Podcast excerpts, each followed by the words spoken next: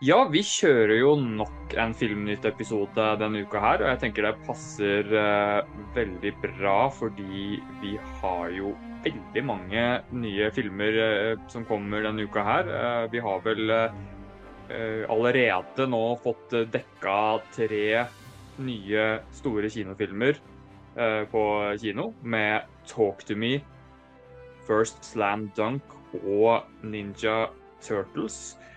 Og det er jo da selvfølgelig Emanuel og Roy som er med meg her, som har sett de. Vi har allerede ute reaksjoner på kanalen. Og for helt nye lyttere så er jo dette da et ukentlig program, noen ganger til og med to ganger i uka, hvor vi dekker det nyeste og mest aktuelle innenfor uh, film og litt TV også, med hovedfokus på de nye kinofilmene og de store franchisene som f.eks. Marvel, DC, Star Wars eh, og en rekke andre ting, og det som er mest populært på streaming. Da. Så ja, gutta. Velkommen igjen. Takk, takk. Dere har vært eh, litt på kino de siste dagene. Og sett litt forskjellige typer filmer. Her har vi vært i skrekksjangeren, og vi har vært i animasjonssjangeren. Så dere har hoppa ganske Det er ganske bra sprik, tenker jeg, fra f.eks. Eh, slam dunk eh, til uh, talk to me. Men hvis vi skal begynne hos deg, Roy vi, tar, vi begynner på, på, det skumle her. Og så kan vi lette stemninga litt etter hvert. og Talk to me har jo Det har vært snakket om og skrevet om som årets beste skrekkfilm av flere jeg har sett. Syns du det var det, Roy? Vi, hvis vi bare skal kaste oss rett på den, når forventningene er satt? Uh, for, for, å si det sånn, jeg, jeg syns at The Boogeyman var en bedre skrekkfilm enn uh, Talk to Me. Um, wow. wow. Men nå, nå, vet jo dere fra før at, at jeg, jeg, jeg, likte jo veldig godt The Boogeyman. Men uh, jeg syns at av de skrekkfilmene som jeg har sett, uh, nå eh, på stående fot så, så, kan jeg komme på The Boogeyman, Evil Dead Rise og, og Talk to Me. Så syns jeg at Talk to Me er den svakeste av de tre. Um, men jeg tror jeg gikk inn med litt feile for, forventninger. Sant? For jeg hadde hørt et eller annet om at A24, altså de som har laget uh, Everything Everywhere All At Once og The Whale, at at de hadde stått bak ham, men, men, så stemte ikke det. De har bare di distribuert ham i Amerika. Så jeg forventet jo deres type kvalitet på denne filmen. Um, og det er ikke sånn at denne filmen er et, et total skivebom. Det, det, er masse som funker i denne filmen. Mitt største problem er at jeg klarer ikke å ha sympati for, for hovedrollen. Jeg syns at hun gjør masse valg som gjør at jeg, jeg håper på en måte det motsatte. da. Jeg, jeg håper at det, det går dri, dri, dritmann. For, for, et par av de valgene som hun gjør, går direkte utover an, an, andre igjen. Eh, sånn at jeg klarer ikke å ha sympati for hun jeg skal heie på. Og det, det, er det som på en måte ødelegger filmen mye, mye for meg. Hmm, ja, nei, det er jo sjeldent uh, en god oppskrift å ha en hovedkarakter som man ikke liker og som det er vanskelig å engasjere seg i. Da er det ikke lett å få maks ut av uh, filmen. Og Emanuel, du har også sett Talk to me, og du er helt enig med Roy, ikke sant? Den var dårligere enn Boogeyman? Overhodet ikke enig. det, det, det, er jeg ikke. Det er jeg ikke. For min del så var dette her eh, veldig, veldig forfriskende. Eh, når det gjelder, når det gjelder sånn karakterer i skrekkfilm, så tror jeg kanskje det at jeg har den der evnen til å slå av alt som heter empati og sympati, og håpe på det verste egentlig for alle. Så alle i filmen, holdt jeg på å si. Men eh, Nei da. Det er ikke så galt. Men for min del, da, så jeg prøvde å se det litt fra hovedkarakteren sin, sine briller. Og når man kan relatere til det å faktisk ha mista noen i, i, nær familie som en mista altfor tidlig og helt uforutsett, så kan jeg virkelig se at det kan få en til å gjøre veldig, veldig dumme valg. Eh, det, så, det, så, så jeg, for min del, jeg, jeg, kan relatere til det. Uh, men altså for meg så var det noe veldig sånn forfriskende med det. Det føltes litt mer i pacinga, sånn som det føltes med, med den type skrekkfilmer som, som, jeg vokste opp med. Jeg fikk liksom litt den samme følelsen som når jeg så den første Skrik-filmen på kino på, på premieren for uh, ja, lenge siden, holdt jeg på å si. Og så mm. var det noe med måten de, de snakka på. De, det var australsk, eh, det var australsk dagligtale. De kommuniserte med hverandre på en annen måte som gjorde at det ble forfriskende. Og så Samtidig som at det, det, var jo ikke så grafisk sånn som det f.eks. Evil Dead Rise var, men det var nok av sånne sjokkøyeblikk. Så for meg så funka det kjempebra. For meg så er dette her den beste skrekkfilmen i 2020, 2023. Sånn funka den for meg. Og mye bedre enn Boogieman, bare så det er sagt, Roy. Ser at Roy rekker opp hånda her for å fortelle deg hvor feil du tar. Jeg vil legge til, og det, og det sier jeg også på, på, på, anmeldelsen min som jeg uh, lå ut på, på, på, TikTok, så sier jeg også at jeg er nok mer kritisk til, til denne filmen enn folk generelt. Uh, IGN alene ga en ni av ti. Uh, sånn at jeg tror at hvis du liker skrekkfilmer, så bør du absolutt gi, gi en sjanse, ikke nødvendigvis bare ta, ta mitt ord for, for det. Um, men jeg han, han levde ikke helt opp til min opplevelse, da. Nei, sånn er det noen ganger. Litt det samme som jeg hadde med, med både Oppenheimer og uh, Across the Spider-Verse, hvor jeg virkelig ønske, skulle ønske at jeg likte filmen mye bedre, og jeg kunne skjønne hvorfor andre likte det godt, men jeg klarte ikke helt å engasjere meg på samme måte av forskjellige grunner. Det, det er synd, men sånn, sånn, sånne opplevelser får man alltid. og Det er ikke sånn at alle kommer til å like, like alt, selv om allmennheten har en, en, viss oppfattelse av det. Så, men det virker i hvert fall for, for, veldig mange, og for deg, Manuel, at uh, Talk to me var uh, en real uh, slam dunk av en film. skal vi si det det? Og det er jo en passende overgang til en annen film som har hatt premiere her, som heter nettopp The Real Slam Dunk. En uh, anima animasjonsfilm som uh, Roy fikk uh, muligheten til å se litt tidligere enn en del andre. Var det, ikke, var det ikke tirsdag du fikk se den på, og så har den egentlig premiere på, på fredag? Så det, det, var bra. Det var en fordel med med å, bo i Bergen. Du får tydeligvis tilgang på en del tidlige premierer og sånn nå som ikke vi får i Oslo-området. I tillegg til den her Eh, den her månedsabonnementet ditt som gjør at du kan se latterlig mange filmer for, for en billig, billig, penge. Da. Jeg skulle virkelig ønske at de kjørte noe lignende i, i Oslo. Så du er vel på, på under hundrelappen per film eller noe sånt du nå, er du ikke det? Men det får være tema for en annen gang, eh, hvordan den eh, kinobransjen er skrudd sammen. Men eh, hvordan var filmen? Det er det vi skal snakke om. Uh, the first uh, sla slam dunk uh, som jeg så The first, ja. Ikke the real. OK. Ja. okay, the first. Yeah, det, det, er, det er i an anime-sjangeren. Um, og mine på en måte forutsetninger for det fra før er på en måte at jeg har sett Shihiro og heksene for mange, mange, mange år siden. Og det er liksom alt, alt jeg har av referanser. Så jeg var grådig spent når jeg satte meg ned. Um, for noen så kan kanskje storyen For det er litt sånn hoppe fram og tilbake inn i tid-type film. For noen så kan den kanskje virke litt krotete, men hvis du klarer å følge med, så er det en tematikk blant det her laget under den viktigste kampen deres som gjør at du skjønner hvorfor alle sammen er der. Og det er, det er gripende scener, spennende scener, eh, emosjonelle scener. Og det, det, er veldig, veldig, veldig bra eh, animasjon. Eh, vi skal komme til en annen animasjonfilm senere. Skal man på en måte snakke om selve an animasjonen, så er det nok denne som holder en, eh, en høyere knapp. Um, og, det, og det, det, betyr ikke at, at animasjon i uh, Teenage Mutant Ninja Turtles er dårlig. Det betyr bare at denne her var veldig bra. Um, det er jo japansk tale, og jeg, eh, jeg vil jeg vil tørre å påstå at selv om det er sånn at du gjerne må lese teksten for å skjønne hva, hva de sier hele filmen igjennom, så, så, så er ikke et problem.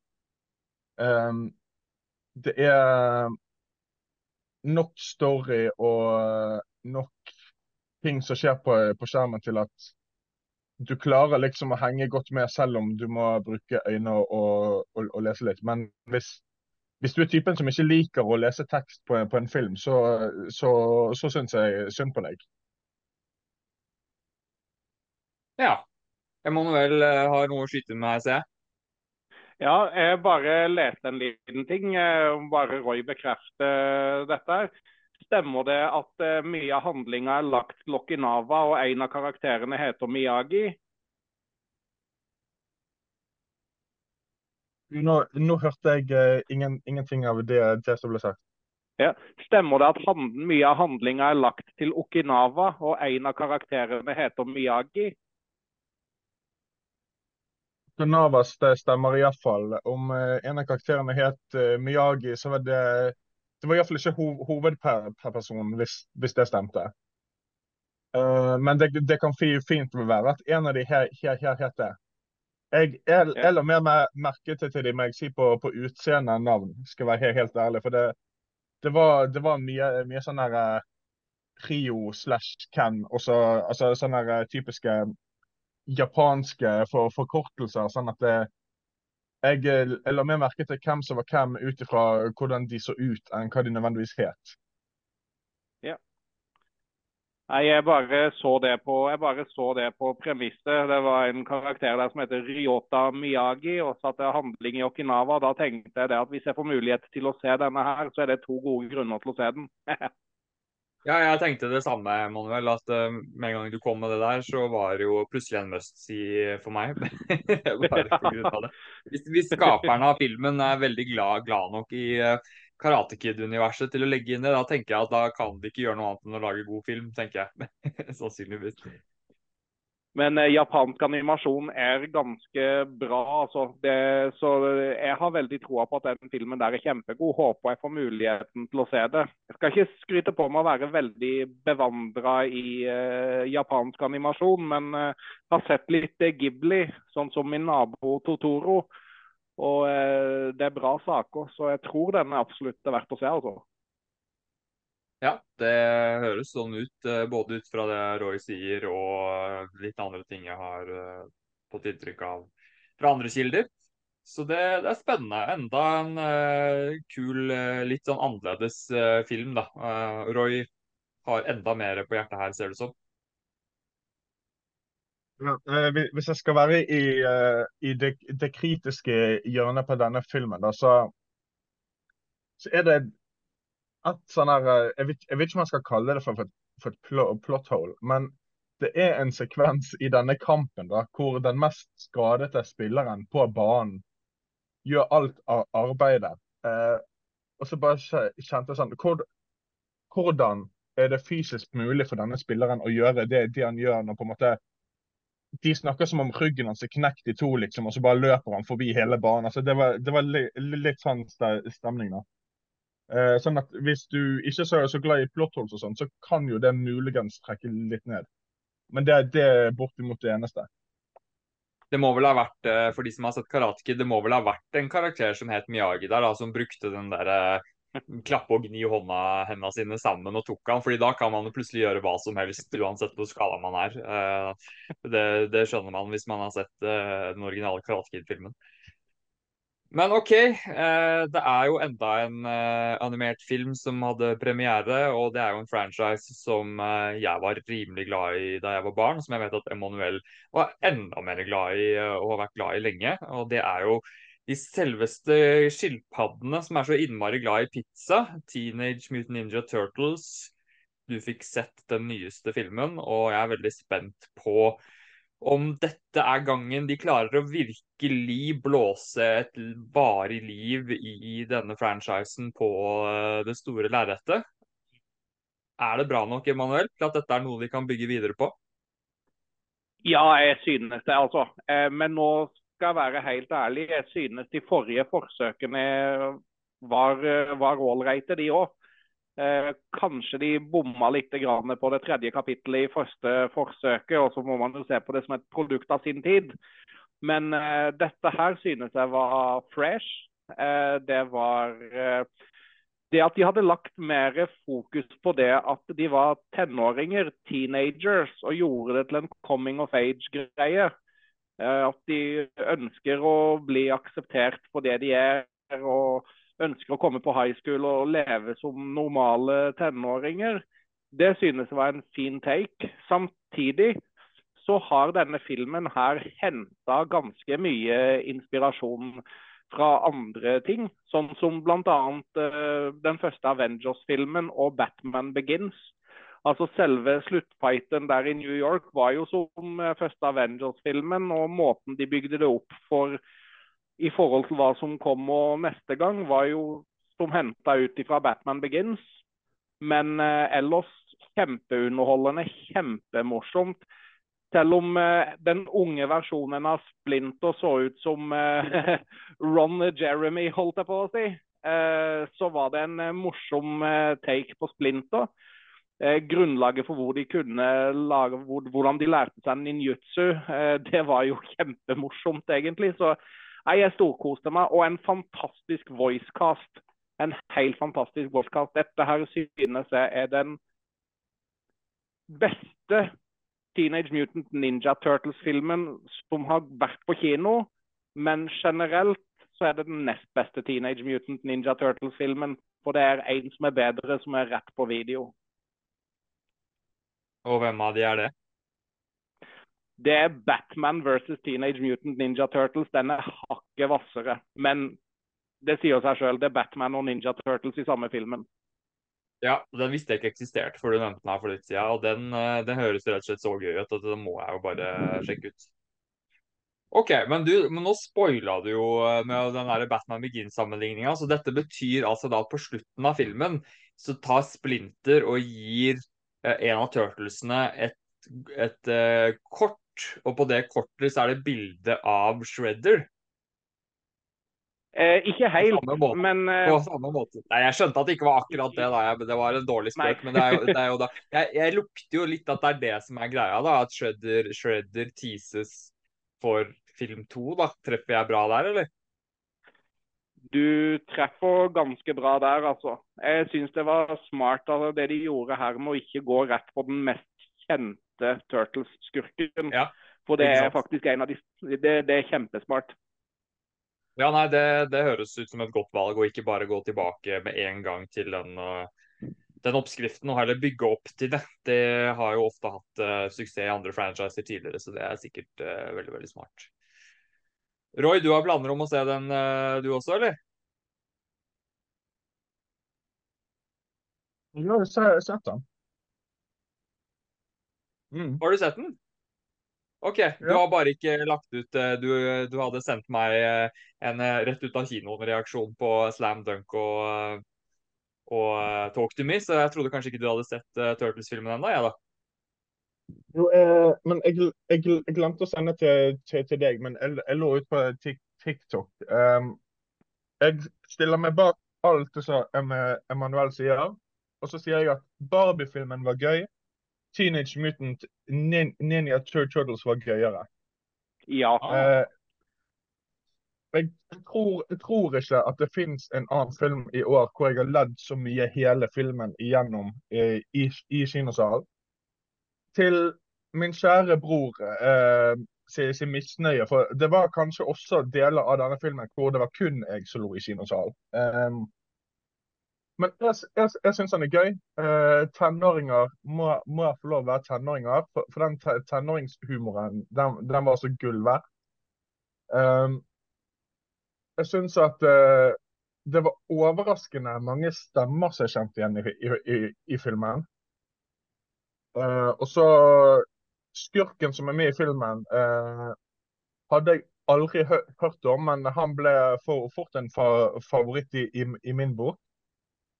Og så var de ganske gode på, på en måte å, å distansere hvilke turtles som er gode på hvilke ting.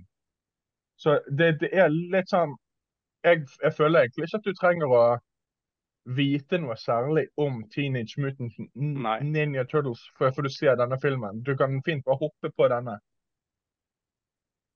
Ja, det er bra. Det har jo ofte vært en uh, suksessoppskrift uh, tidligere når du skal reboote franchiser og gjøre det til noe som er veldig velfungerende helt på egne premisser, samtidig som det også er gøy for de som har et forhold til det fra før av. Så da høres det jo ut som de har lykkes bedre enn på veldig lenge. da. Eh, så jeg håper jo bare at de kan klare å bygge videre på det på en god måte, og kanskje det også fører til et nytt forsøk på å gjøre live action uh, ut av det. Uh, så får vi se om de da eventuelt velger å gå tilbake til disse kostymene fra starten av 90-tallet, eller om de prøver seg på noe mocap-greier. Kanskje de kan få Andy Circus til å spille uh, Splinter, f.eks. Det hadde vært artig. OK. Er det noe mer å si om den filmen nå? Jeg ser, Sitter du der og spiser Er det pizza du spiser, òg? Ja, men det er jo veldig passende å gjøre en eh, review av Turtles mens han spiser pizza. Jeg skal spise pizza med en gang vi er ferdig her, så det, det, er en god måte å markere at den filmen har kommet ut og er en god film på. Så for de som hører på det her, ta dere et stykke pizza hvis dere har noe i nærheten og gå og se Turtles. Det skal jeg eh, gjøre så fort jeg er tilbake i Oslo, tenker jeg. Roy, eh, flink til å rekke opp hånda som en høflig skolegutt.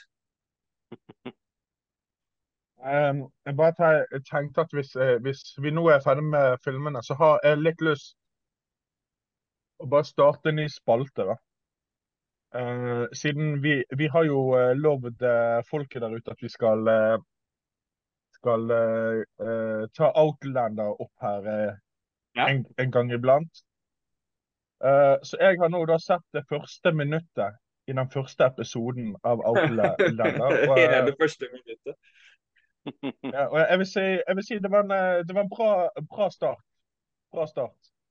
OK. Ja, men Den liker jeg. Så du, hver episode så har du sett ett minutt til, da. Skal vi, skal vi gjøre det sånn? Ja, men den liker jeg. Den liker jeg. Da, da bruker vi noen år på å komme oss gjennom uh, den første sesongen, tenker jeg. Den er artig. Uh, ja, Emanuel? Ja, så må jeg bare si det, fordi at nå har jo jeg sett siste episode av Outlander. Til de uh, som hører på og som følger oss og som liker Outlander. Hvis ikke dere har fått det med dere, så kommer det ikke noe Outlander-episode denne uka. Den kommer neste uke. Og ja, det er irriterende etter den enormt store cliffhangeren, eh, den doble store cliffhangeren som siste episode avslutta med. Mm. OK, men da var bra. Da fikk vi en liten update på den nå til de som er interessert i den der ute, og kanskje noen som er i familien min som hører på, som har blitt veldig glad i den serien også, som er mye av grunnen til at vi begynte å prate om det. Roy igjen rekker opp hånda. Altså, ja, det er bare å kjøre på. Fortsett. Jeg glemte bare å ta den ned. Ja, du glemte å ta den ned. Ja, ja, men det er, det er greit. Kan ikke du, bare ha den oppe hele tiden, du, tenker jeg. Du, du rekker jo opp hånda så ofte. Eh, nei, men eh, da har vi i hvert fall fått gått igjennom eh, de kule premierefilmene som har kommet eh, til nå. Men du skal se en film i morgen, Emanuel, som jeg gleder meg veldig mye til. Som handler om noen eh, vesener som bor under vann. Har du lyst til ja. å varme opp litt og fortelle oss om hvor mye du gleder deg til eh, morgendagens uh, kinofilm? Ja, nei, jeg, Som vanlig så gleder jeg meg jo stort uh, til å gå på kino. Jeg tror dette her blir artig. Jeg skal være helt ærlig og si det at jeg forventer ikke liksom å bli helt blåst av banen her av dette, her, men at jeg kommer til å få det gøy med Jason Statham og en forhistorisk eh, hai. Det er jeg helt overbevist om. Og så syns jeg det er synd at den ikke går i, i noen av de store salene, fordi at Barbie og nå også Oppenheimer her nede blir prioritert fortsatt til de store salene.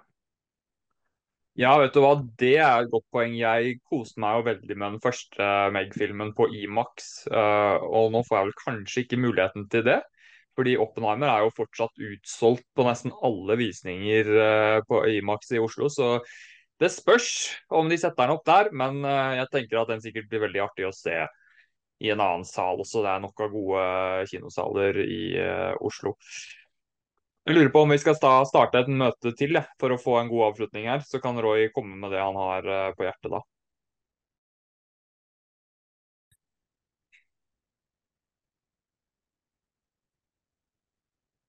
Roy, skal du også eh, gå og se eh, haifilmen, eller er det noe annet som blir prioritert? Skal både se haifilmen, uh, og jeg skal se uh, 'Det var jeg'. Som jeg ikke helt vet hva, hva, hva er for, for, noe, jeg skal være helt, helt, ærlig. Men når man har et abonnement, så må man jo se alt, alt som går. Så sånn er det bare. Men grunnen for at jeg rakk opp hånden, da, det, det, var egentlig siden meg og Emanuel vi er i samme filmgruppe på, på, på Facebook. Uh, og da var det noen som hadde kritisert Emanuel for å ha et ratingsystem som kun baserer seg på, på 7 til, til 10. sant? Ja, så. Og, og så bare vil jeg nå uh, og så, og så vil jeg nå bare sånn uh, live her, her, da, bare si fra om at noe av det jeg syns er kulest med Emanuel, er jo det at han, han, kan, han kan se en hvilken som helst film, og så kan han alltid tre, trekke fram på en måte det kuleste og mest positive med, med den filmen. Det er, jo, det, er, det, er, det er, sånn jeg blir interessert i å se film. Ikke pga. hva som er kjipt og, og, hva som er kjedelig eller ikke funker. Det, det er det positive som er fram, tenker jeg. Helt enig. og eh, man, eh, man går, på, går inn med forskjellig innstilling til film og har forskjellig måte å, å, dømme det på og anmelde det på og alt mulig. og Jeg bruker det poengsystemet annerledes enn veldig mange andre, men, men man må jo bare respektere at folk har sin måte å, å gjøre det på. og Jeg, jeg syns det er veldig kult den måten Emanuel har snakket om at dette er noe med kinoopplevelsen som gir han veldig mye. Eh, og Derfor så er det mange av de filmene som er gode som for han blir ekstra gode fordi han ser det på kino, og fordi han går inn med en positiv innstilling og prøver å nyte det mest mulig. Uh, og det jo, burde jo bare, egentlig bare være misunnelig for at Emanuel klarer å ha så mye glede av uh, så mange ting. Og så må man jo bare da skjønne etter hvert at når Emanuel f.eks. gir en film ni av ti, uh, sånn som jeg bruker systemet, så betyr ikke det at jeg vil gi den ni av ti fordi jeg gir nesten aldri ni av ti. Det er sånn jeg bruker, bruker det systemet. Men det betyr jo ikke at Emanuel på noen måte bruker det feil. ikke sant? Og hadde det vært sånn at han aldri på noen måte var skuffa over noen ting, eller aldri syntes at noe var lavere enn 9 av 10, da kunne man jo kanskje begynt å sende litt, litt spørsmålstegn på det, men, men, det er jo ikke sånn. Det er jo bare det at i år så har det vært veldig mange gode filmer, og du har hatt veldig mye positivt å, å si om, om, veldig mye av det. Og det tenker jeg bare er flott for din del. Og, og, hvis man som jeg sa, hvis man ser på det på en annen måte og har en annen måte å forholde seg til det på og liker å være mer kritisk, så er det lov også. Men uh, hvorfor altså, skal Ja, Emanuel, det er der vi snakker om, så du skal få lov til å skyte inn selv også. Altså, jeg bare tenker litt som så. Altså, man ser jo på en film for å ha det gøy, som regel. Eller i andre tilfeller for å bli engasjert av en god historie. Men i 99,9 av tilfellene når det er snakk om blockbuster-filmer, så går man på kino for å ha det gøy. Da, da, mm. vil, da, må man jo fokusere på det positive. Altså, Hvis man har vært på en fest en kveld mm. Du sitter ikke og vurderer, tenker over alt som var galt på den festen du var på. Nei, nei, nei. Man gjør jo ikke det. Ikke sant? Det er litt grann eh, det der man går inn med en innstilling om at nå skal man ha det gøy. Og ja, man kan bli skuffa av en, av en film, men altså, de fleste filmene jeg blir skuffa over, er de jeg ser hjemme.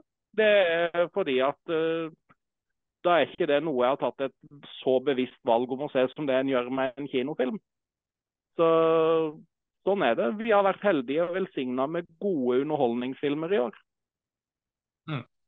Absolutt. Og det er jo liksom, som du sa også, da, det er jo de menneskene der ute som etter å ha vært på en fest fokuserer mest på det som er negativt, men da gjør man ofte seg selv en bjørnetjeneste og ender ofte opp med å nyte livet langt mindre enn det man kan gjøre. Og, og det betyr ikke at man skal være totalt blotta for uh, et kritisk blikk på ting og være kjempenaiv, men det handler litt om den bevisstgjøringen på hva, hva ønsker du å få ut av opplevelsen, hvilken, hvilken situasjon er du i.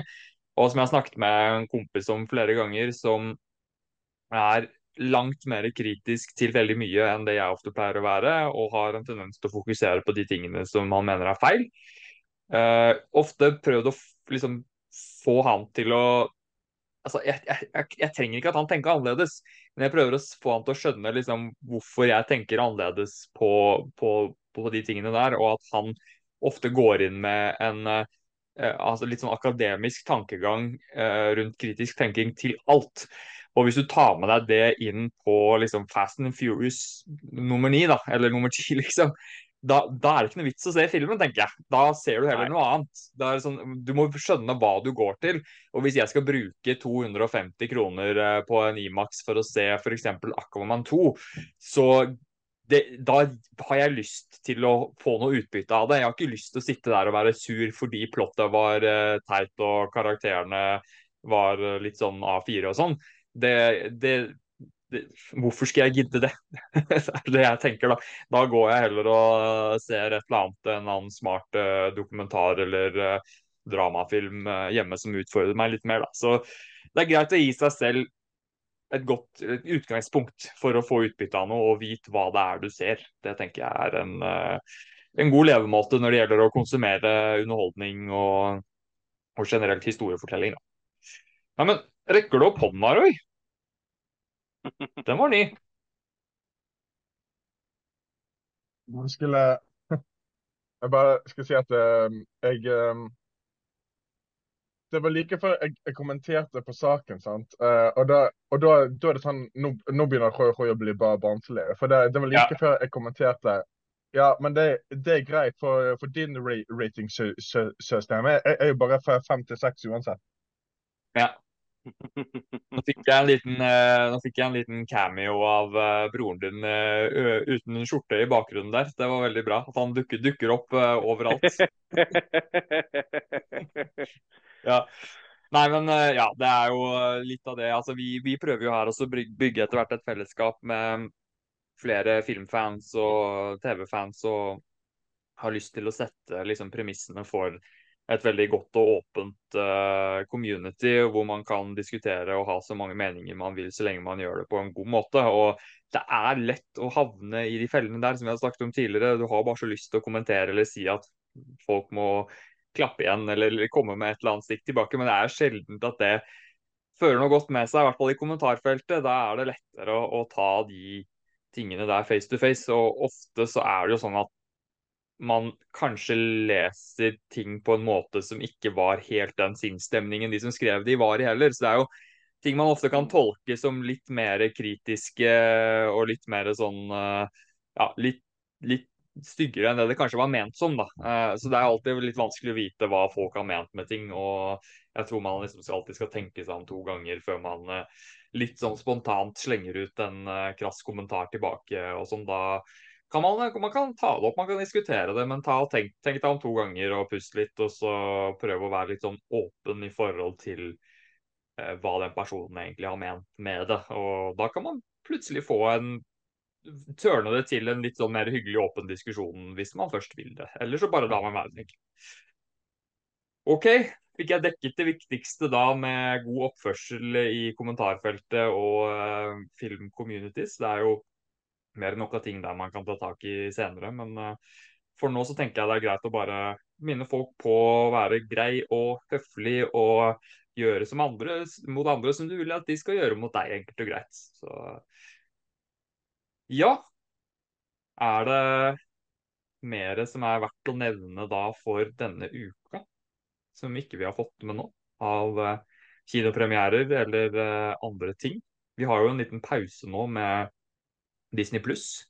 Uh, så jeg, altså jeg, gleder meg jo vanvittig til Asoka, som kommer om noen uker. Litt tidlig enda, altså begynne å varme opp uh, helt til den. Men jeg tenker at den Altså, der kommer jeg til å nerde ut skikkelig. Og hvis det er noen som hører på nå som er Star Wars-interesserte og har sett på Star Wars-seriene på Disney pluss, så noter deg den i boka. 23. august var det vel, så kommer den med en dobbeltepisode som premiere, og det tror jeg blir den mest underholdende Star Wars-serien kanskje noensinne. Mye lightsabers og mye, mye Force, The Force, og ja, et, et plott som jeg tror kan være veldig uforutsigbart og knyttes til veldig mange ting i Star Wars-universet.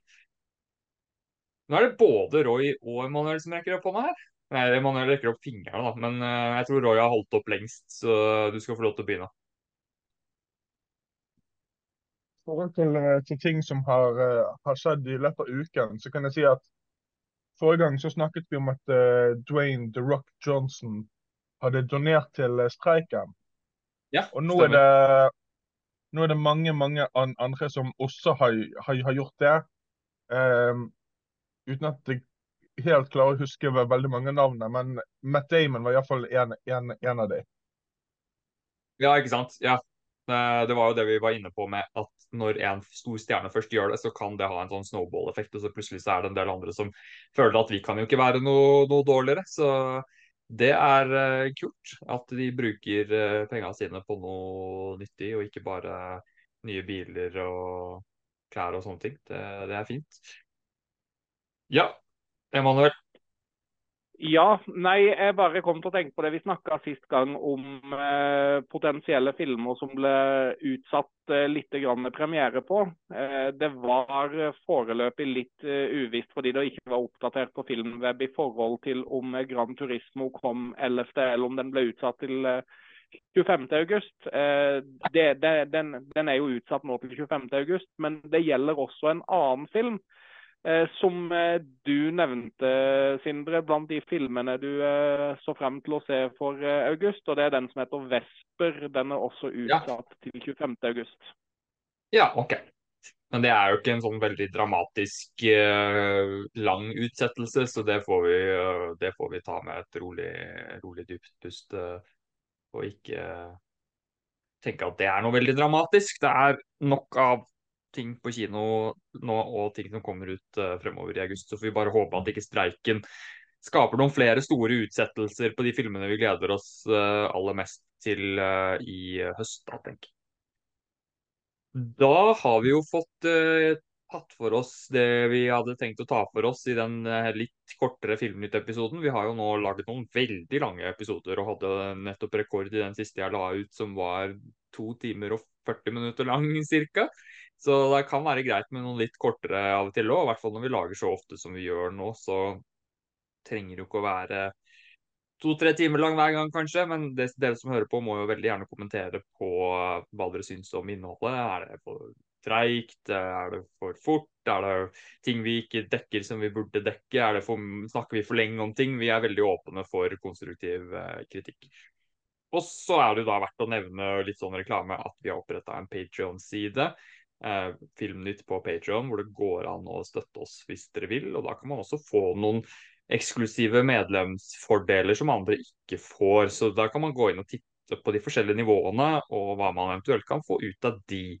Men uansett, veldig kult hvis man bare lytter på oss. Men eh, er du stor fan av oss og har lyst til å se oss gjøre det enda bedre, så går det jo an å slenge en liten slant til oss eh, i måneden, hvis man vil. OK, skal vi ta en eh, Altså, jeg, jeg skal jo egentlig noe annet veldig snart, men jeg har jo jeg har aldri lyst til å avslutte når vi holder på. Og nå liksom, nå, nå har vi jo holdt på så kort i forhold til hva vi pleier. Så jeg føler at vi må avslutte med et eller annet her, istedenfor å bare Ja, kan ikke bare si ha det sånn, vi må gjøre noe kreativt til slutt her. Og jeg er jo så innmari glad i disse små konkurransene våre. Uh, og jeg tenker jo da at uh, det er gøy å bare ha en sånn mini. Jeg liker å sette dere opp mot hverandre og teste kunnskapen deres. Forrige gang så testet jeg jo dere så vidt eh, på eh, Star Wars med en bitte liten eh, Star Wars-konkurranse på slutten der. Og hvem av dere var det som vant da igjen, da? Det var Emanuel. Og da valgte jo han eh, noe vi skulle dekke innenfor Star Wars, og da kom han fram til at vi skulle lage en kort liten episode om disse Ivok-tegnefilmene. Og det gleder jeg Nei, meg veldig til. filmene. Filmene. Hæ? Ikke tegnefilmene, men filmene. Å ja, jeg trodde du mente tegnefilmene, ja. Å ja, OK, Nei, greit. nei, nei, det er nei, det er jo filmer. minst like spennende. Eh, Så det gleder jeg meg til, for det er faktisk noe innenfor Star Wars jeg aldri har fordypet meg i. Og denne gangen så tenkte jeg at vi skulle gjøre basically det samme, bare med Ringenes herre. Akkurat samme premisser som med Star Wars. Å gud. Det har du gitt opp allerede. Ja, der eh, Emanuel så oppgitt ut når jeg sa det. Du vant Ja. sist, da. Men det er samme Ja. premiss. Vi tar uh, annethvert spørsmål, og førstemann til, å- til å treffe mens den andre har bomma, han vinner og får lov til å velge et eh, tema for en liten Ringenes herre-episode som selvfølgelig uh, Eline skal få lov til å være med på, siden hun er så lidenskapelig for eh, Ringenes herre. Og vi har ikke hatt Ringenes herre-prat på veldig lenge nå. Så da bare kjører vi på. Er dere klare? Jeg ser at uh, Roy han har begynt å ta litt frisk luft for å klare opp tankene her og prøve å liksom å dra inn all Midgard-kunnskapen han har. Og jeg tenker jo rett og slett at vi starter på eh, vinneren fra Star Wars-konkurransen, Emanuel. Som eh, er eh, fullstendig ekspert på alt som har med Ringenes herre og Tolkien-universet å gjøre. Nei, han er ikke det. Han er glad i Ringenes herre-filmene, men han er ikke så inne i det som noen av de andre her. Så vi skal jo se, da. Vi tar dette mest relatert til filmene, sånn at man kan ha en god sjanse. Og vi går rett og slett på Oscar-biten her, fordi Ringenes herre har jo hatt relativt god suksess under Oscar-utdelingene, spesielt den siste filmen 'Natter en konge', som vant elleve Oscar og har delt Oscar-rekord med Titanic og Ben Hur. Men jeg lurer da på hvor mange Oscar-nominasjoner fikk den første Ringenes herre-filmen? Den første. Og her skal du få lov til å få to poeng hvis du treffer akkurat riktig, og så får du ett poeng hvis du bare er én unna over eller under. Såpass snill skal jeg være, for det er jo litt vanskelig å treffe på nøyaktig tall her. Ah, uh, mange Oscar den fikk? Fire.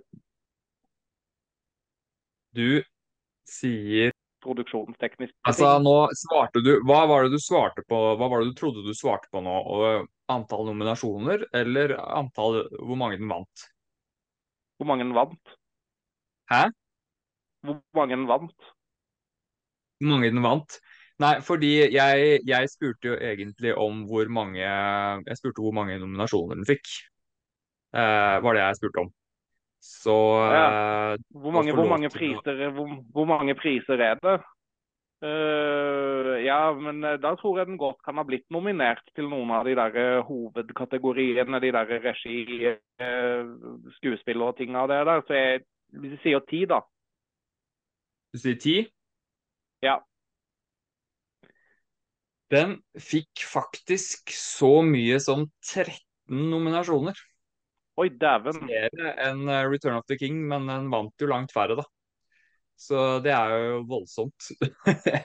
voldsomt. Så der, eh, det var litt, eh, litt slemt, da, for du traff jo egentlig på antall vins, men nominasjonene var spørsmålet. Og eh, 13 er jo, må jo være blant de som har vunnet mest gjennom tidene. Du har jo du skal ramse opp litt, da. Beste effekter, lyd, musikk, sang redigering, kostyme, cinematografi, art direct Altså alle de tekniske prisene basically du kan ta. Og beste regissør, beste film og uh, best actor in a sporting role for Ian McKellen. Så uh, rimelig uh, rimelig bra liste med nominasjoner der. OK, Roy. Du kan jo gå av med seieren allerede på første forsøk her. Og nå må jeg jo prøve å være litt rettferdig da i forhold til vanskelighetsgrad her, og det var jo ikke et veldig lett spørsmål jeg ga til uh, Emanuel her. Uh, og jeg tenker jo da at vi kan holde oss litt på samme kategori her. Og jeg lurer eh, rett og slett da på To tårn har jo åpenbart også fått noen Oscar-nominasjoner. Og jeg skal ikke gi deg akkurat det samme spørsmålet med hvor mange, men jeg vil at du skal nevne utenom skuespillere, altså skuespillernominasjoner, så vil jeg at du skal nevne to kategorier innenfor Oscar-utdelingen som den ikke ble nominert til, utenom skuespillere.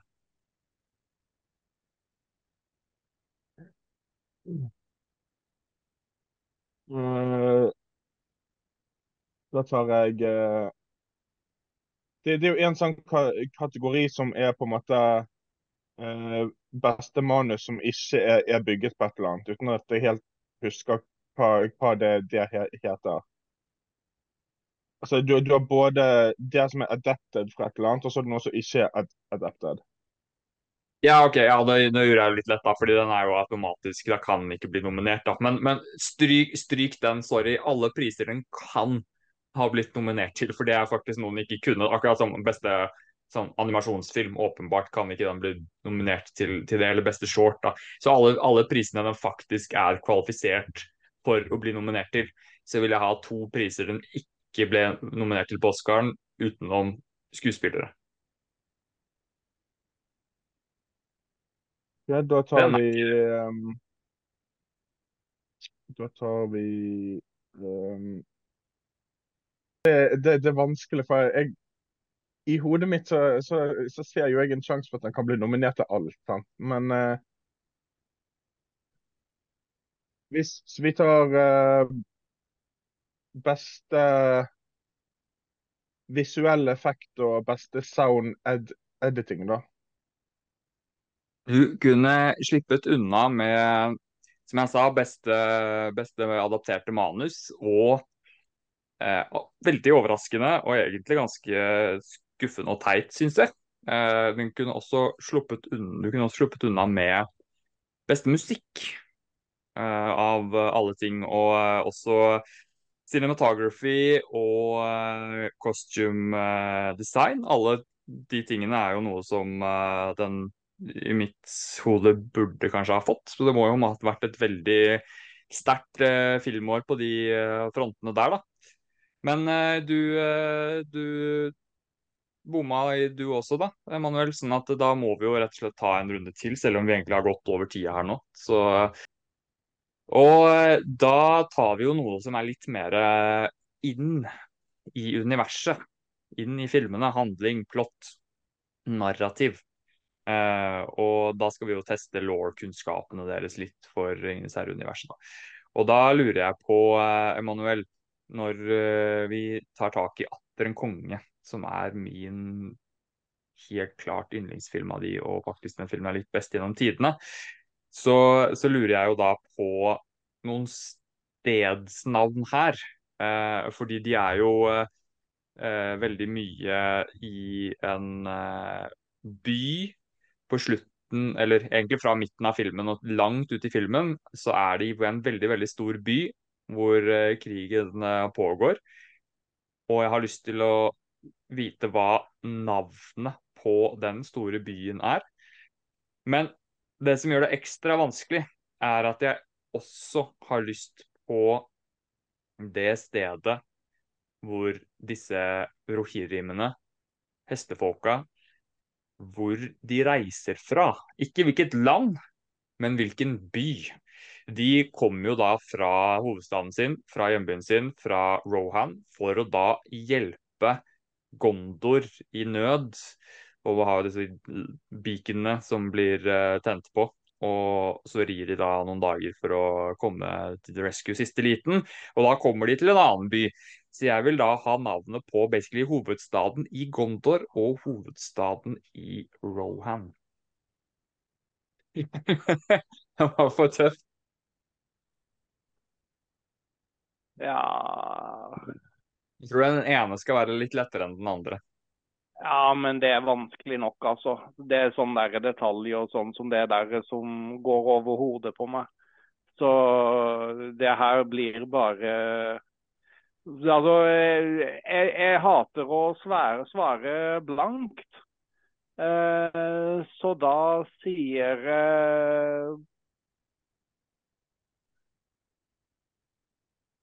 Nei, det blir vet du hva. Mordor var det en plass som hette. Og så sier jeg Gotham fordi at de ikke har noe bedre å si, holdt jeg på å si. ja, ja, ja, hvis du hører på det her nå, Line, så må jeg bare beklage. Uh, og du må jo sitte og vri og vende på deg og Ja, nei. Det, vi har en jobb å gjøre her med å få opp kunnskapen til Emanuel rundt Ringenes herre.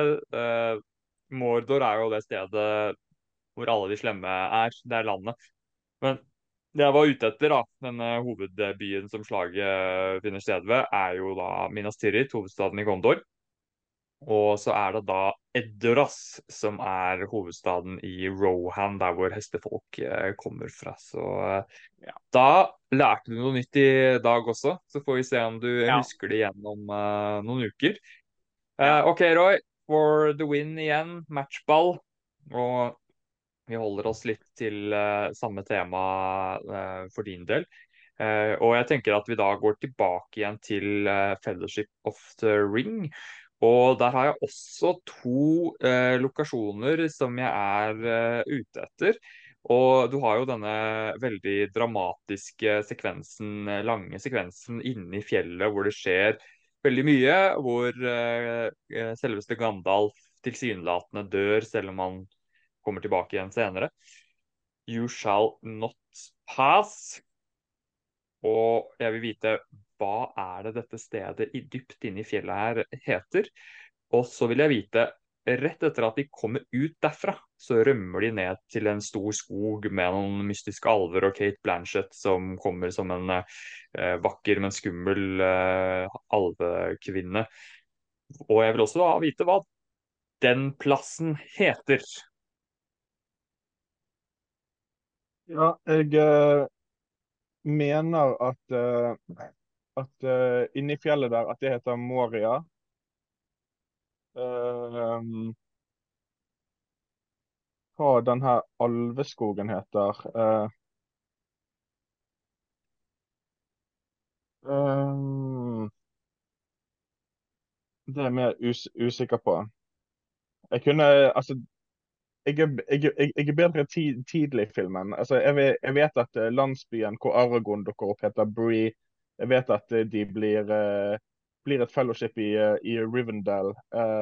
men akkurat den skogen der Ingen per peiling. Det, det, er helt blankt på den sko skogen. Ja, nei, da er vi fortsatt på 0-0 her, da. Den skogen heter Lothlorien.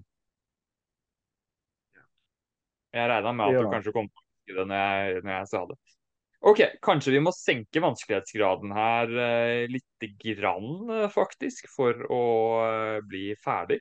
Eh, vi kaster tilbake til deg, Emanuel, og overraskende nok så har du fortsatt muligheten til å vinne her. Og nå tenker jeg at vi kan gå over på skuespillere. Eh, og vi var jo inne på Oscarene i stad. og det er jo en annen film som har vunnet like mange Oscar eh, som denne som uh, uh, kom på 90-tallet, 'Titanic'. Og jeg lurer da på hva heter den skuespilleren som er med i både 'Atter en konge' og 'Titanic' og har en relativt viktig rolle, selv om han ikke har en av de største rollene, så har han en ganske viktig rolle i begge de filmene. Han var med i både Titanic og, og hvilken av Lord of the Rings-filmene, sa du? Han er jo med i, i, både To tårn og Atter en konge. Uh, men, han, men, men, sammenligningen her var jo da Atter en konge og Titanic, for det er de to oss mestvinnende Oscar-filmene, da.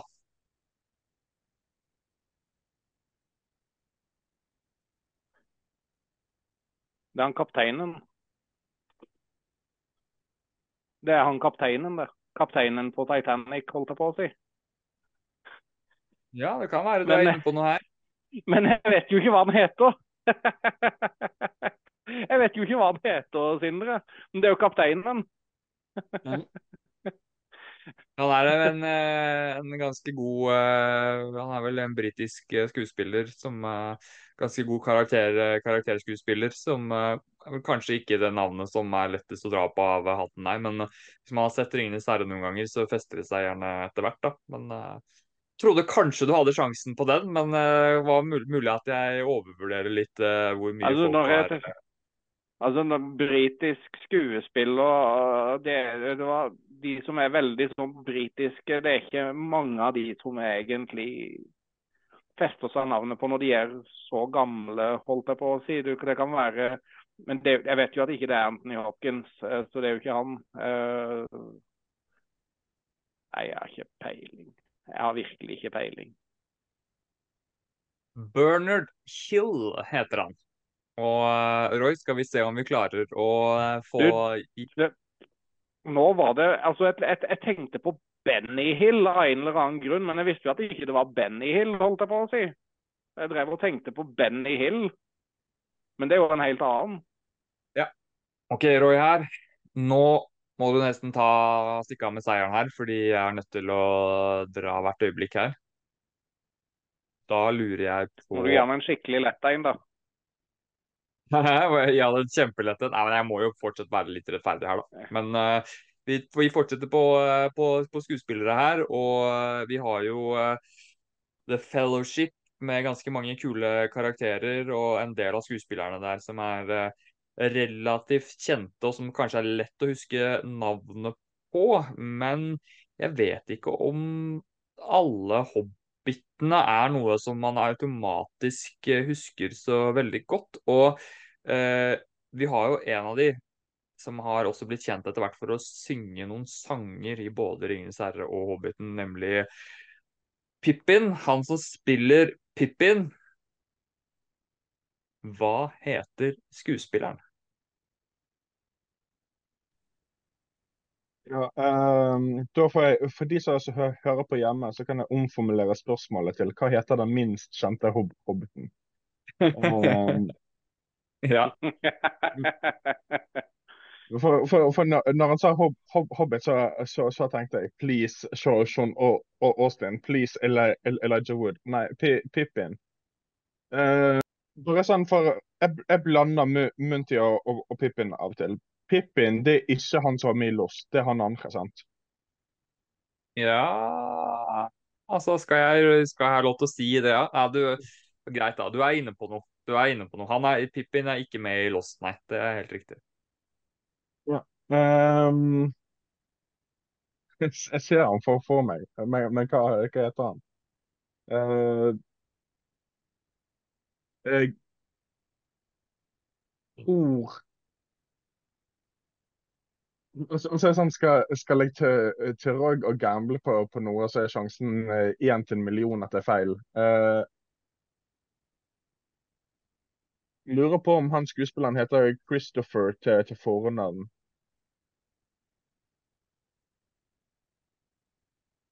Vi, vi sier Christopher Wood, vi. Uh, og så er det helt sikkert feil. Han heter eh, Billy Boyd, heter han. Og jeg merka meg det navnet ekstra godt fordi det er knyttet til disse fine sangene som han synger, bl.a. annet da til uh, Atter en konge, som er eh, kjempefin, 'Edge of Night', og så har han denne avslutningssangen i den siste Hobbiten-filmen som er helt nydelig. Så da, men nå, nå begynner det å trekke ut her, altså, eh, gutta. Eh, så nå må, vi, nå må vi få en avslutning. Jeg må senke vanskelighetsgraden enda et hakk til, da. OK. Emanuel. Ja. Ja, Emanuel. I uh, Fellowship of the Ring, den første Ja. filmen, så har du en veldig stor slagscene på starten av filmen. Som er tilbakeblikk på Sauron sitt første fall, når han mister ringen. Og jeg vil rett og slett vite hva heter karakteren som kutter av Sauron sin finger og får ringen for seg selv, før han nekter å kaste den ned i Mount Doom. Nei, vi er blank. Det er en ganske kjent scene hvor uh, Hugo Weaving sin karakter Eldron står sammen med han inne i Mount Doom og skriker ut navnet hans i frustrasjon når han skjønner at han ikke har lyst til å ødelegge ringen. Uh, Roy rekker opp hånda her veldig uh, entusiastisk, eller fingeren, så jeg lurer på om han kanskje vet svaret. Kan han, han kan stjele poenget. Kan du prøve, prøve meg? Du kan prøve deg, men du får ikke seieren på, på å ta den. Du får ditt eget spørsmål også. Isildur. Det, det er riktig. Isildur! Som han eh, skriker ut der. Ja, men da, Roy, nå, nå skal du ta seieren her, sånn at jeg kan eh, komme meg på fest. Og eh, du får også altså karakternavn her. Prøve å holde oss til litt samme vanskelighetsgrad. Du har jo da denne veldig, veldig ekle, men også fantastiske eh, kampscenen i To tårn. Jeg sier ekkel fordi jeg har hatt en mareritt om det etter at jeg så den på kino første gangen. Disse urukaiene som kommer eh, gående inn, og du føler deg veldig klaustrofobisk eh, inni den borgen der. Og jeg har drømt at jeg var en av de som sto oppå der og venta på de orkene. Og du har jo da, rett før kampen begynner, så kommer det noen alver til, eh, til The Rescue. da, Og de er ledet av en alv som de tidligere også møtte i den første Ringenes herre-filmen. Og jeg vil da rett og slett bare vite hva heter den alven da som til slutt møter eh, sitt, eh, sin undergang i denne kampen her? Også en, en scene som hvor navnet hans blir skreket ut veldig dramatisk rett før han dør av Aragorn.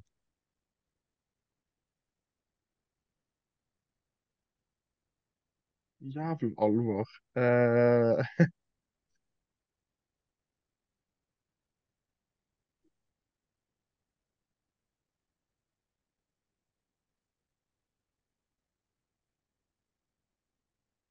jeg, eh, jeg, vet ikke. Uh, for det, det, er jo ikke Le Legolas uh, som uh, En alv som overlevde det, det slaget. Um, men hva, hva, er typisk alvenavn, da?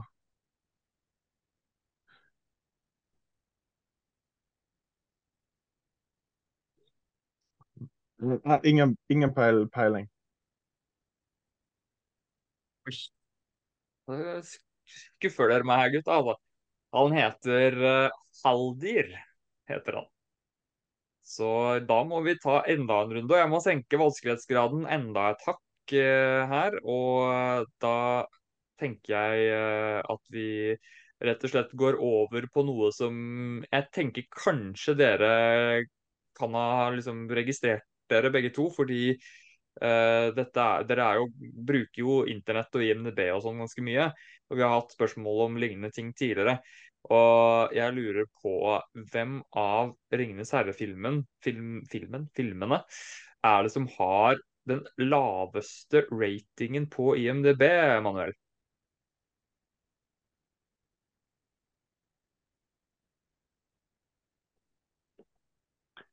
Da har du i hvert fall 33 sjanse for å treffe riktig. Jeg bare skyter inn uh, nummer to. Det er riktig. Er det det? Nå bare gjetta jeg fordi at jeg tenkte det at den siste gjorde det jo knallbra på Oscar-utdelinga og sånn, og regna sikkert av for å være den beste. Den første fikk sikkert eh, masse, masse hype fordi at det var den første. og så er det jo ofte sånn at en film i midten eh, kanskje eh, ikke alltid nødvendigvis eh, treffer like bra som eh, film nummer én og tre. Ja, det er ikke helt, eh, helt, uvanlig det, selv om det finnes veldig mange sterke nummer to også. Men Roy, da må du treffe her for å ikke tape. Og jeg vil rett og slett vite da hvor mange karakterer er det som er med i alle filmene til sammen? Teller, teller, vi med orker og enter og Ja. ja. Ja, nei, jeg, jeg, bare, jeg bare tuller med deg. Du skal åpenbart ikke prøve å svare på det. Det da tror jeg ingen hadde klart. Eller det finnes sikkert noen der ute, men de må være veldig, veldig spesielt interessert. OK. For å legge lista på samme nivå, selv om jeg er veldig frista til å gi deg noe så vanskelig at uh, Manuel stikker av med seieren her, uh, så skal du få lov til å svare på noe som har med box office å gjøre. Og Emanuel fikk en 33 sjanse for å svare riktig, og du skal jo da basically bare gjøre det samme som han og si hvem av filmene gjorde det dårligst på box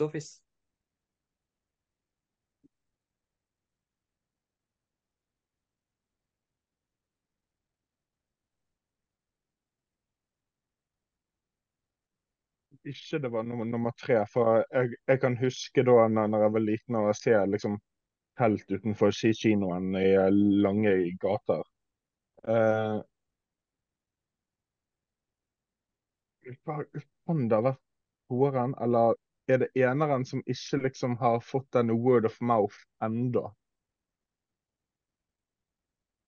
Jeg, jeg går for eneren, og så håper jeg at det var det, det at den ikke var, var, var kjent nok.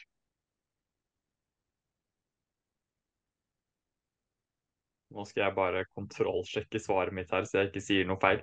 Ganske sikker på at du har riktig der, ja. Eneren tjente 898, mens toeren krabbet over 900, og treeren kom seg forbi milliardmerket. Så det var riktig igjen. Men problemet nå er at når jeg senker vanskelighetsgraden for mye, så plutselig så har dere riktig eh, på alt, eh, begge to. Uh, OK. Emanuel. Vi holder oss til innholdet i filmene, og vi holder oss til karakterene.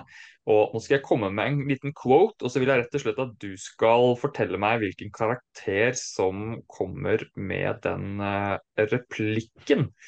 Og da er vi uh, tilbake i Fellowship of the Ring, bare så du får litt kontekst til hvilken film det er. Og det er en karakter som da sier en ganske sånn bra Han har en liten sånn monolog.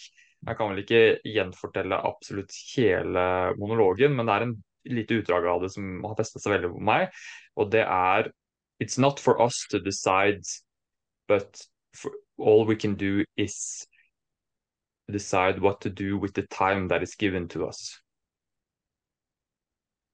Som er et av de mer sjelfulle øyeblikkene i, uh, i den filmen. Gandalf? Det er helt riktig, det er Gandalf som har en monolog til Frodo om hvor Frodo snakker om onde tider, og Gandalf svarer at uh, det er ikke vi, vi, kan ikke styre hva som skjer i resten av verden. Alt vi kan gjøre, er å prøve å få det beste ut av den tiden vi har fått. Som Frodo da bruker som motivasjonen senere i uh, filmen. OK, Roy. Du skal også få en uh, replikk her. Og uh, vi beveger oss til to tårn. Og da er det Da skal jeg rett og slett kutte ut en liten del av en replikk bare for å ikke gjøre det for åpenbart. Men det er en karakter i To tårn som spør en annen karakter om hva er poteter? Hvilken karakter er det som spør en annen karakter i To tårn om hva er poteter?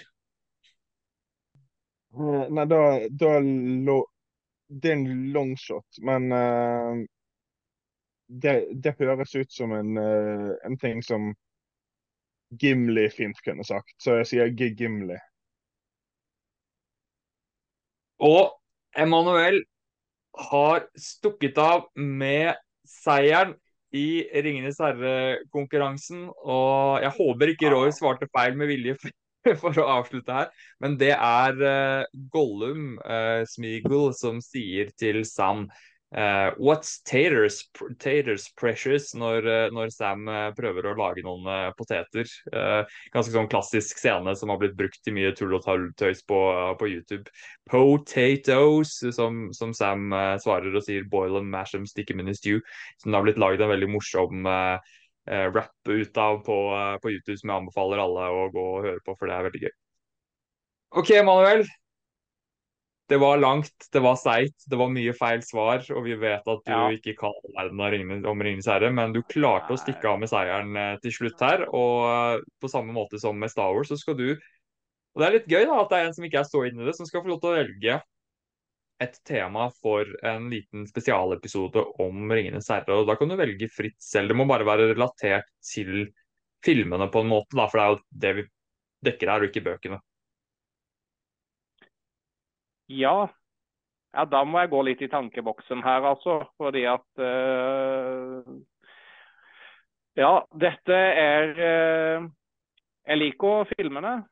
Uh, men jeg har ikke den Jeg er ikke en del av den der fandommen, holdt jeg på å si, rundt det. Så da må jeg gå litt i tankeboksen på, på, tankeboksen på hva det skal være.